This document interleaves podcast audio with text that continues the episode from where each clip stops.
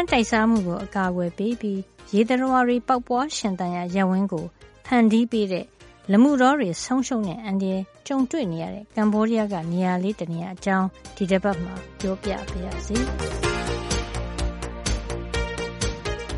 ကမ္ဘောဒီးယားနိုင်ငံတောင်ပိုင်းက ကမ်းရိုးတန်းတစ်လျှောက်မှာ လမှုတော်တွေရှိပြီး ဒီလမှုတော်တွေဟာ ဒေသခံ ထောင်ပေါင်းများစွာ အသက်ရှင်ရက်တည်ရအတွက် အဓိက အထောက်အကူဖြစ်တဲ့ ငါးတွေ ပျော်ဆန်းရနေရဖြစ်ပါတယ်။ ဒါပေမဲ့လည်းခိမိတိုးတက်လာတဲ့ကမ္ဘောဒီးယားအတွက်အဲ့ဒီဒေသမှာဖွံ့ဖြိုးရေးစီမံကိန်းကြီးတွေကိုချလာတဲ့အခါဒေသခံတွေအတွက်အလောက်ကင်အခွင့်အလမ်းတွေရလာပေမဲ့တစ်ဖက်ကလမှုတော်တွေရဲ့နောင်ရည်အတွက်ချိန်ချောက်မှုတွေဖြစ်လာခဲ့ပါတယ်။ထိုင်းပင်လယ်ကွေတဲ့ကိုစီးဝင်တဲ့ Trapping ဆိုင်ကေမြစ်မြစ်ဝဒေသမှာလမှုတော်တွေအပြည့်ရှိနေတဲ့အတွက်တဘာဝဘေးဒဏ်ကိုခုခံကာကွယ်ဖို့အတွက်အကောင်းဆုံးအရန်တားတစ်ခုဖြစ်နေပါတယ်။ လမှုပင်တွေဟာ တိုက်စားမှုဒဏ်ကို အကာအကွယ်ပေးုံမကဘဲငါးနဲ့ တခြားပင်လယ်သတ္တဝါ မျိုးကွဲအမြောက်အများ ကျင်းလဲကျဆားကြတဲ့ အဲ့ဒီဒေသမှာ နေထိုင်တဲ့ ရာနဲ့ချီတဲ့တန်ငါတဲ့မိသားစုတွေအတွက် စားဝတ်နေရေးအတွက်ပါ အားထားနေရတာ ဖြစ်ပါတယ်။အခုတော့ ဒေသဖွံ့ဖြိုးတိုးတက်ရေးအတွက် အစိုးရကနေ ကမ်းရိုးတန်းတစ်လျှောက်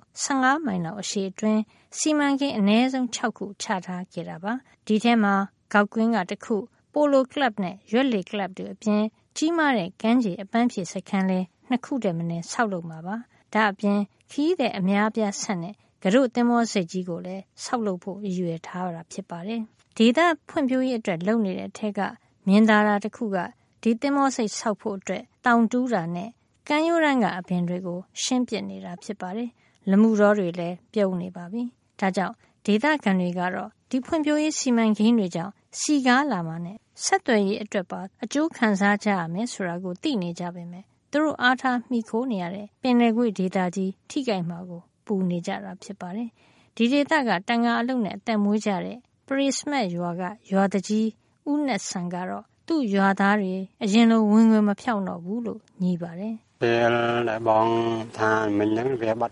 “ကျွန်တော်တို့ရဲ့ သယံဇာတတွေ အများကြီး ဆုံးရှုံးခဲ့ရပါပြီ။အရင်တုန်းက ဒီလူမှုတောကြီးက အကျယ်ကြီးရှိတာပါ အခုနောက်ပိုင်းလူမှုပင်တွေတော်တော်များများ အခုတ်ခံလိုက်ရလို့ ကျွန်တော်တို့ငားတွေလည်းတိတ်မရတော့ပါဘူးကနန်းတွေပစုံတွေလည်းတိတ်ပြီးတော့မရတော့ပါဘူးကျွန်တော်တို့ အဖွဲဖွဲပြီးတော့အပင်တွေ ပြန်မဆိုင်ခင်က ပိုတော်ဆိုးပါသေးတယ် အခု နည်းနည်း ပိုကောင်းလာပေမဲ့ဟိုအရင် သူတို့လူမှုတော်တွေ ခုတ်မပစ်ခင်ကလိုမျိုးတော့ ပြန်မရတော့ပါဘူး လမှုတော်တွေ ပြုံးကုန်တာဟာတငါသည်တွေ ဝင်ငွေရော့သွားစေတာ ဖြစ်ပါတယ်။ငားရဖို့အတွက်ပင်လယ်ပြင်ထဲကို ပိုးပြီးတော့ဝေးတဲ့နေရာမှာတွားပြီးဖမ်းကြတာမို့ သူတို့စက်လှေတွေအတွက် ဆီပိုပြီးဖြည့်ဖို့လိုလာသလို အချိန်လည်း ပိုကုန်ကြရတယ်လို့ ပြောပါတယ်။ပိုဆိုးတာက သူတို့ရဲ့ လူမှုတောတွေ ပြုံးကုန်တာဖြစ်ပြီး ဒါက သူတို့ကို သိပ်ကို ထိခိုက်စေတယ်လို့ ဆိုပါတယ်။“ငွေရပေါက်လမ်းကြောင်းတွေ အားလုံးက ငွေမဝင်တော့တဲ့အတွက် လူတိုင်းကို ထိခိုက်စေတာပါ။အပင်တွေ မရှိတော့ ပင်လယ်စာတွေ မရတော့ပါဘူး။လူမှုပင်တွေတင်မကဘူး ငါးစားကျက်တွေလည်း အဖျက်ဆီးခံရပါတယ်။လူမှုပင်တွေ ဆုံးရသလို ငါးနဲ့ကျွန်တော်တို့ရဲ့ဝင်ငွေတွေပါ အတော်ကြကုန်ပါတယ်လမှုပင်တွေ ပျက်စီးရတာဟာ ပင်လယ်သတ္တဝါတွေရဲ့စကြက်တွေပြက်ကုန်တယ်လို့တိုက်စားမှုတန်ကို ခံနိုင်တဲ့ အရန်တားပါ ပျက်စီးခဲ့ရတာ ဖြစ်ပါတယ် ဒါအပြင်လမှုတော်တွေဟာ နှစ်ပေါင်းများစွာ ကာဗွန်ကို ဖမ်းယူသိမ်းဆည်းထားနိုင်စွမ်း ရှိတာမို့လမှုပင်တွေ ဆုံးရှုံးရတာဟာကဘာကြီးပူနွေးလာမှုနဲ့ ရာသီဥတုပြောင်းလဲမှုမှာ အဓိကကျတဲ့ မလိုလားအပ်တဲ့ ကာဗွန်မျိုးကိုခြေဖြတ်ပေးနိုင်တဲ့ စနစ်ပါ ဆုံးရှုံးရတာလို့ တဘာဝတော်ရိုင်းထိန်းသိမ်းရေးမိတ်ဆွေများအဖွဲ့က သိပ္ပံနဲ့ ကမ္ဘာဖွံ့ဖြိုးရေးဆိုင်ရာ ဒါရိုက်တာ Thomas Gray က ပြောပါတယ် Mangrove soils are amongst the most carbon rich soils on the planet. လူမှုပင်တွေရှိတဲ့ ဒီရောက်တော့ကမြစီထွားတွေဟာကဘာပေါ်မှာ ကာဗွန်အကျွဲဝါဆုံး မြစီထွားမျိုး ဖြစ်ပါတယ် ဒီလူမှုရောတွေကိုဖြစ်စီတာဟာ လေတူထဲကို ကာဗွန်ဒိုင်အောက်ဆိုက်ဓာတ်တွေ အများကြီး ရောက်သွားစေတဲ့အတွက် ကမ္ဘာရာသီဥတု အပြောင်းလဲအတွက်လည်း ဖြစ်စေပါတယ် လူမှုရောတွေရဲ့ နောက်အရေးကြီးတဲ့အချက်က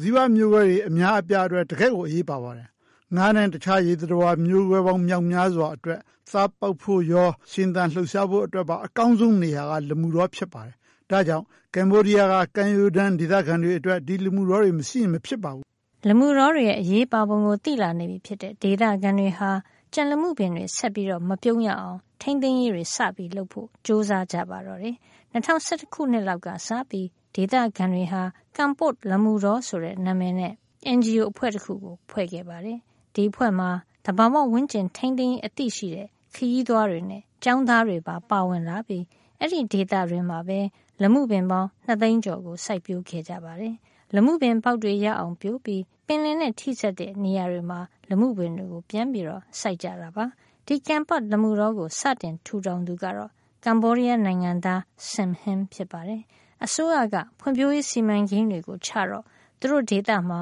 မြေဈေးတွေအဆမတန်တက်လာပြီး မြေဝယ်သူတွေ မျက်စိကျလာကြတယ်လို့ ပြောပါတယ်။“